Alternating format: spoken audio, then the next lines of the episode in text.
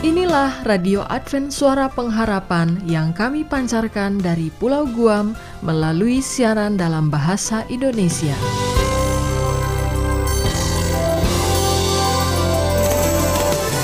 Salam sejahtera kepada saudara pendengar di mana pun Anda berada. Selamat berjumpa kembali dengan kami Radio Advent Suara Pengharapan. Dengan senang hati kami akan menemani Anda dan keluarga dengan rangkaian acara yang telah kami persiapkan bagi Anda sekeluarga dan harapan kami kiranya siaran ini dapat bermanfaat dan menjadi berkat bagi kita semua. Selamat mengikuti dan selamat mendengarkan. Tuhan memberkati.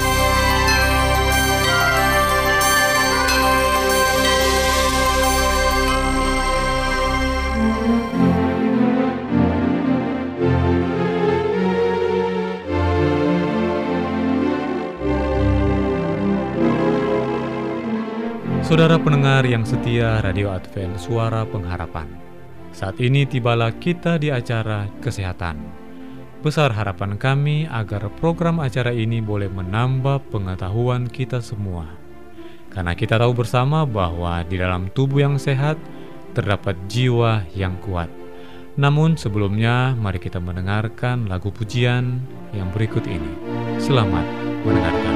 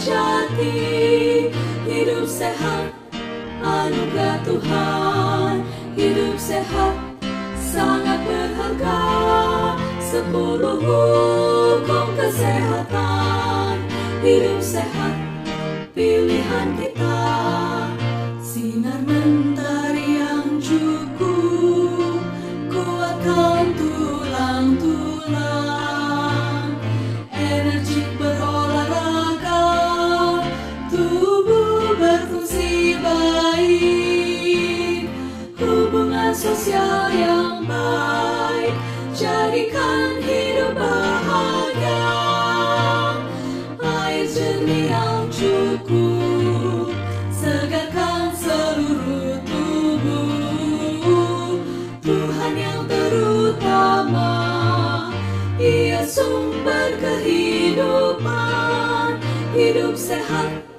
Anugerah Tuhan hidup sehat. Sangat berharga. Sepuluh hukum kesehatan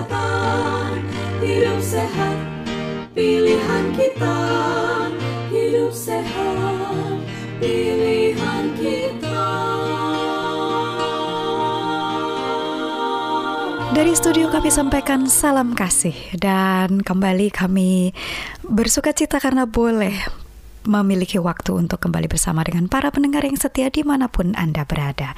Terpujilah Tuhan untuk waktu yang kita miliki ini dan walaupun melalui udara kita bertemu kembali dan saya yang bertugas Ayura bersenang hati untuk bersama-sama dengan Anda dalam ruang kesehatan. Baik, kita sudah siapkan satu topik untuk pertemuan kali ini yaitu mengenai ginjal atau gagal yang kita akan uh, lihat di sini adalah mengenai gagal ginjal kronis ya. Tetapi tidak secara keseluruhan atau luas. Ini lebih kepada deteksi dan pencegahan dini dari gagal ginjal kronis. Wah, kalau para pendengar yang budiman memperhatikan ya beberapa waktu belakangan ini itu ada muncul di berita-berita televisi bahwa ada orang yang mau menjual ginjalnya. Dan ini dia lakukan untuk supaya uh, bisa mempertahankan kehidupan ya. Jadi supaya boleh mendapatkan uang untuk kelangsungan kehidupannya. Dan ada banyak pendapat dan setelah itu ada banyak tayangan-tayangan film-film dokumenter juga. Bagaimana ajaibnya ginjal ini. Jadi kalau di mesin mobil atau mesin-mesin kendaraan ini termasuk yang bandel ini ya. Tetapi ini tidak bisa kita samakan begitu saja. Karena ini adalah ciptaan Tuhan yang sudah dirancang dengan demikian uh, cermat. Oleh sebab itu kita perlu untuk bersyukur untuk hal yang sama-sama kita miliki ini bahkan perlu untuk menjaganya dengan baik. Nah, untuk berikutnya saya akan mengajak semua pendengar yang budiman mencermati ya. Jadi kita akan dengan seksama mencermati apa yang disampaikan oleh Dr. Charles Swot dalam deteksi dan pencegahan dini dari gagal ginjal kronis. Dokter ini bertugas di Rumah Sakit Advent Bandung dan oleh sebab itu mari kita simak ya apa saja yang disampaikan oleh Pak Dokter. Penderita gagal ginjal kronis atau yang disingkat dengan GGK itu istilah yang nanti akan kita gunakan uh, seterusnya ya dalam topik kali ini itu penderita GGK uh, eh, sudah semakin meningkat. Apa sih yang terjadi pada penyakit gagal ginjal kronis atau GGK ini? Ternyata fungsi ginjalnya mengalami penurunan. Terjadi secara perlahan dan banyak yang tidak disertai dengan gejala klinis. Itu artinya banyak yang tidak dirasakan oleh si individu sendiri. Jadi nanti diketahuinya kalau setelah dirawat dengan penyakit-penyakit lain, misalnya uh, ada gangguan paru-paru, ada gangguan uh, jantung misalnya atau uh, penyakit pembuluh darah kardiovaskular, baru diketahui oh ternyata terjadi juga penurunan fungsi ginjal atau bahkan sudah gagal ginjal kronis.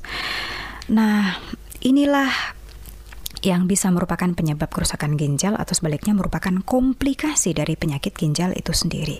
Dengan kata lain bahwa banyak bahkan sebagian besar stadium dini penyakit ginjal kronis ini terutama di negara berkembang di negara berkembang seperti negara Indonesia ini tidak terdiagnosis secara baik ya. Nah, bukti-bukti ilmiah menunjukkan bahwa kerusakan ginjal itu sebetulnya dapat dicegah atau dihambat bila belum masuk kepada stadium terminal. Stadium terminal artinya akhir ya. Atau masih kalau itu dideteksinya pada tahap awal, maka kerusakan ginjal yaitu dengan deteksi dini atau diagnosa dini itu bisa dilakukan pencegahan yang sesuai. Namun seperti tadi yang disampaikan bahwa lebih banyak diketahui setelah stadiumnya lanjut ya atau stadium terminal.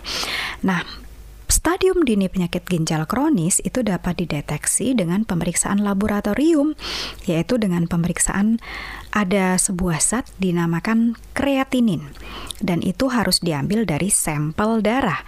Lalu kemudian pemeriksaan pengeluaran protein dalam urin dengan sampel air seni. Jadi yang diperiksa ada dua ya, eh, para pendengar yang budiman, ada darah dan kemudian air kencing atau air seni.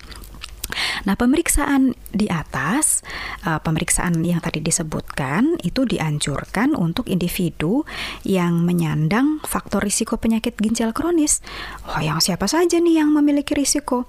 Tolong di uh, dengarkan dengan lebih seksama ya. Siapa tahu saja ini ada di antara keluarga kita.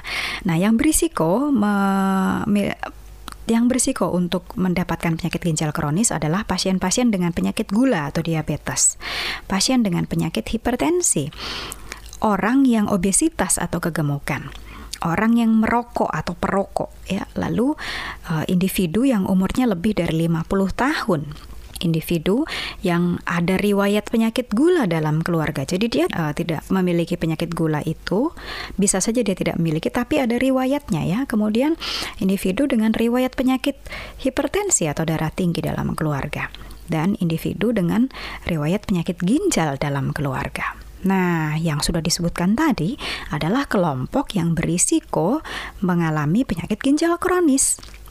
Jadi sudah disampaikan tadi ya untuk deteksi dan pencegahan dini karena kalau uh, lebih awal diketahui kan pencegahannya bisa dilakukan. Oleh sebab itu uh, dilakukan pemeriksaan dini lewat darah dan juga urin. Itu bisa dilakukan setiap enam bulan. Nah untuk mencegah terjadinya penyakit ginjal kronis atau mencegah memburuknya fungsi ginjal pada pasien yang sudah terjadi penurunan fungsi ginjal di tahap awal biasanya ini diketahui saat screening ya. Ini bisa dilakukan kalau misalnya karena hipertensi, hipertensinya dikendalikan. Gula darah karena gula darah, gula darahnya dikendalikan. Lemak darah dan anemia itu juga bisa ya orangnya disuruh berhenti merokok kalau dia perokok, peningkatan aktivitas fisik, olahraga yang teratur, pengendalian berat badan kalau dia obesitas, dan kemudian makanan atau diet rendah protein, terutama protein hewani. Bahkan tidak jarang juga akan e, diberikan obat-obat khusus untuk melihara ginjal yang obat-obat ini sudah pasti diresepkan dengan e, seksama ya dengan teliti oleh seorang dokter. Nah, para pendengar yang budiman, jadi sebetulnya gagal ginjal itu bisa dideteksi dan secara dini. Kalau deteksi secara dini, pasti pencegahannya juga bisa dilakukan dengan lebih baik. Oleh sebab itu, seperti yang tadi disampaikan pada awal pertemuan kita, kita syukuri Tuhan sudah lengkapkan kita dengan ginjal. Mari sama-sama kita jaga supaya fungsinya tidak perlu mengalami penurunan. Dan dengan pemeriksaan kesehatan yang baik, juga kita terhindar dari yang namanya gagal ginjal kronis.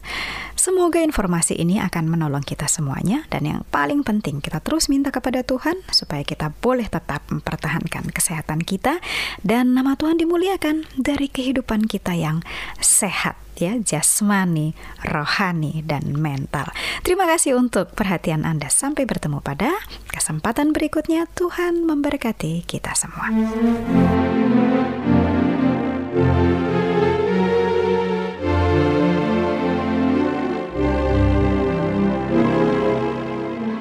Demikianlah kesehatan yang sudah kita ikuti bersama. Semoga boleh bermanfaat bagi kita semua di dalam kehidupan kita. Dan saat ini kita harus mengakhiri program acara ini, tetapi kita akan bertemu lagi minggu depan di gelombang dan waktu yang sama. Tuhan memberkati kita semua.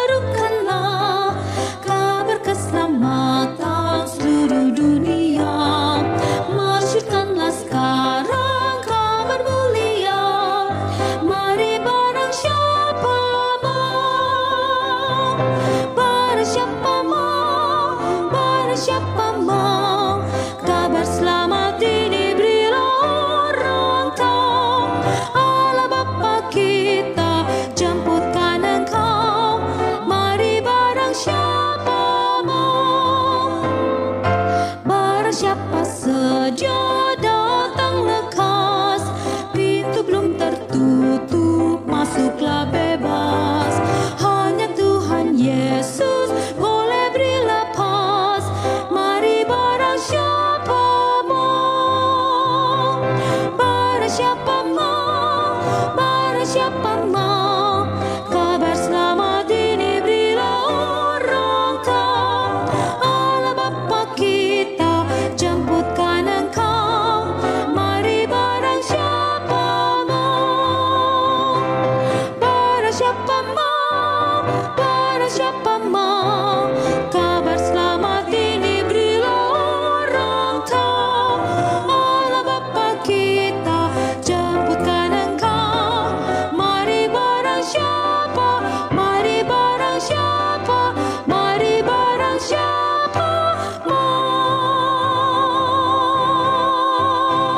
Selanjutnya mari kita mendengarkan mimbar suara pengharapan.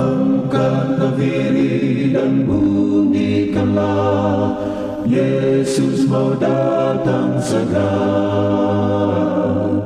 Nyanyi musafir dan pujikanlah. Yesus mau datang segera. Datang segera Inilah mimbar suara pengharapan dengan tema perlu istirahat. Selamat mendengarkan. Itu tandanya Yesus mau datang segera Pengetahuan bertambah-tambah Yesus mau datang segera Datang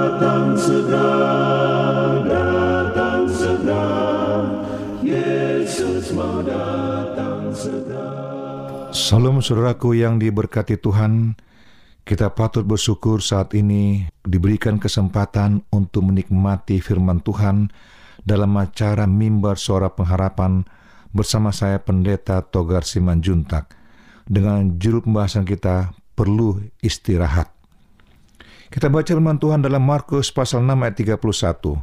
Firman Tuhan berbicara, Marilah ke tempat yang sunyi supaya kita sendirian dan beristirahat sejenak.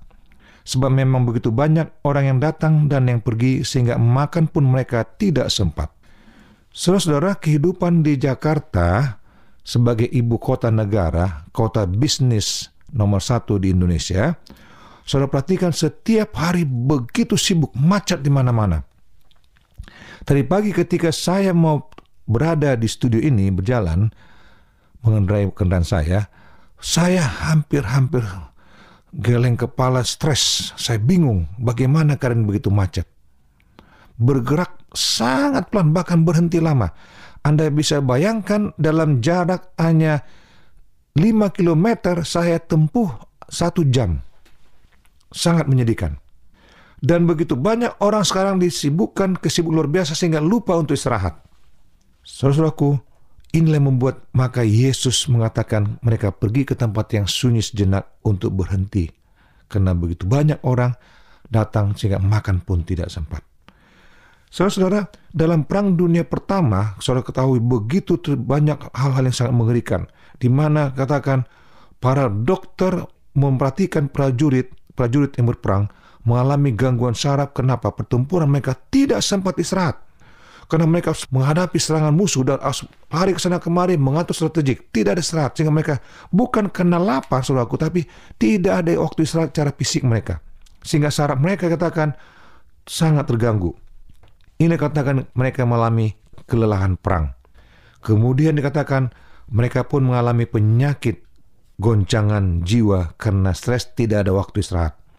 Nah, saudaraku, sekarang kita ketahui penyakit disebabkan oleh suatu sebab, di mana itu bani oleh rentetan stres yang berkepanjangan, tidak ada waktu istirahat, tidak ada pemulihan, dalam situasi hidup dan mati, kita pun bergumul setiap hari. Tetapi Anda bukan dalam suasana perang saat ini, saudaraku. Tapi Anda berperang di dalam pergumulan setiap hari untuk mencari nafkah. Mungkin saja terlibat perang berkepanjangan dengan tekanan pekerjaan, masalah keuangan, problema keluarga. Jika Anda ingin keluar dari hal seperti itu, artinya Anda adalah korban dari perang saudara sendiri yang berkecamuk dalam hidup Anda. Buku Alvin Toffler yang berjudul Goncangan di Hari Mendatang menjabarkan perang saudara dalam tubuh kita, menggambarkan kelelahan fisik dalam diri kita. Karena di mana tergabungnya fisik, kejiwaan sebab oleh beban yang terlalu berkelebihan dari sistem adaptasi proses mengambil keputusan. Dikatakan ini membuahkan satu reaksi manusia terhadap dorongan yang berkelebihan. Dorongan yang berkelebihan berarti suatu beban yang berkelebihan. Menurut perkiraan bahwa kita seratus kali lebih tegang dibandingkan generasi orang tua kita zaman dahulu. Lalu Alvin mengatakan kan bahwa perang saudara di tubuh kita, kelelahan kita itu banyakkan di dalam tiga bagian. Yang pertama, Anda mengalami beban sensor. Tubuh manusia akan bereaksi terhadap suara gaduh yang diakibatkan oleh perasaan takut atau marah. Bahkan suara yang merdu pun bila diperdengarkan pada volume yang terlalu tinggi akan memicu reaksi penolakan dari tubuh kita. Dikatakan saudaraku, banyak hal kita dengarkan itu sangat luar biasa. Jadi beban seksual ada dalam tubuh Anda. Menolak hal-hal yang begitu di luar akan kemampuan tubuh kita mendengar. Lalu beban informasi. Kita hidup di tengah-tengah deras arus informasi. Dengan telepon, koran, majalah, alat hiburan, keluarga, radio, handphone, segala macam. Nah, saudaraku, ini membuat kita pikiran jadi bertambah mumet pikiran. Begitu berat beban itu. Lalu berat beban untuk memutuskan sesuatu. Jadi Tom mengatakan bahwa setiap hari kita dijalani kurang lebih 500-600 pesan iklan sponsor. Lalu terakhir beban untuk dalam memilah-milah dalam pelaksanaan keputusan kita itu. Mana yang kita lakukan? Apa yang mana setelah kita sesuatu apa kita lakukan itu? Laksanakan tidak? Ini harus kita perhatikan saudaraku. Banyak hal-hal yang kena kita yang sebenarnya membuat kita ini menjadi letih, berat. Nah, ambil waktu-waktu sejenak saudara untuk istirahat. Ya, Lihatlah firman Tuhan katakan, mari ke tempat yang sunyi, beristirahatlah sejenak. Maka Anda akan disegarkan kembali. Minta pertolongan Tuhan. Tuhan, tolong saya untuk lepas dari kukungan beban kehidupan dan bertetaplah di dalam engkau selalu. Nah, saudaraku, jika Anda mau didoakan atau ada hal yang mau ditanda tanyakan, dengan penuh sukacita kami akan melayani mendoakan Anda. Shalom saudaraku, Tuhan berkati. Amin.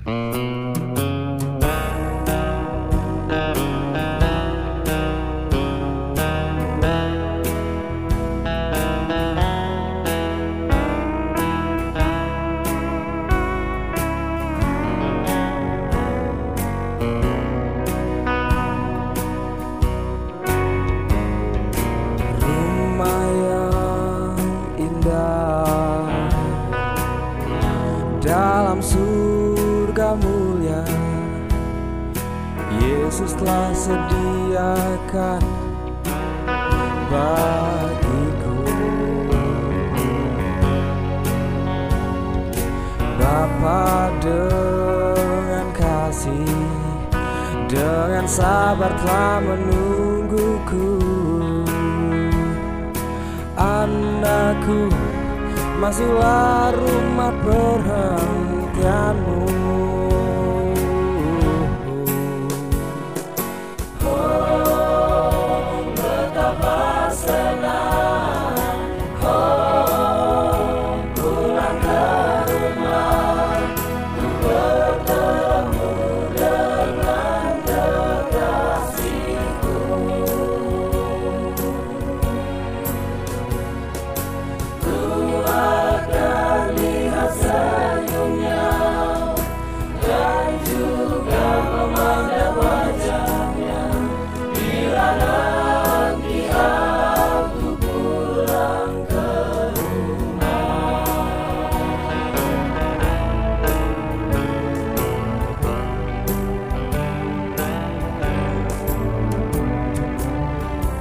rumah yang di surga. Aku rindu ke sana. Di sana tak ada lagi air mata. Yesus kan menghapus segala air mata di pipimu dan Yesus pun dengan senyumnya menunggumu.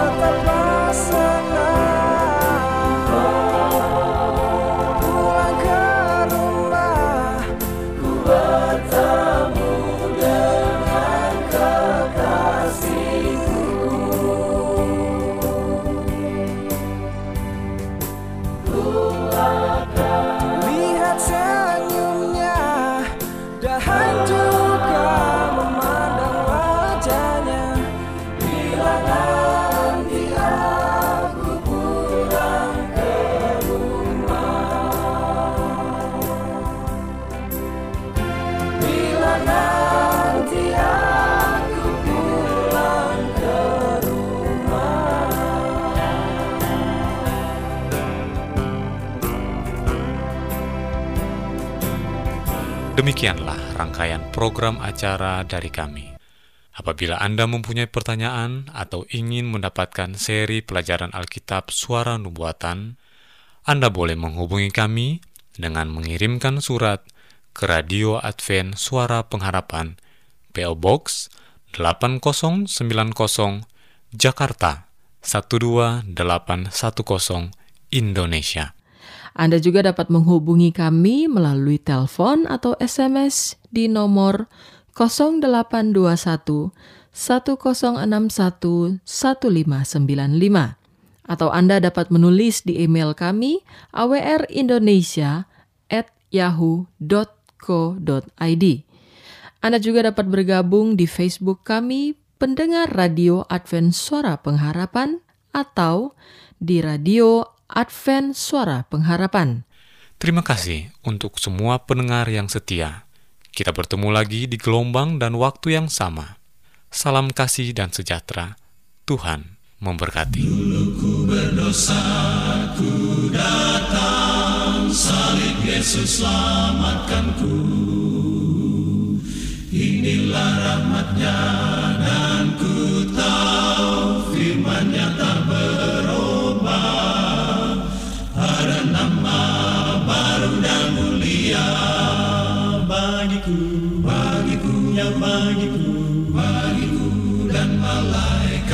sambut dengan nyanyi yang berdosa.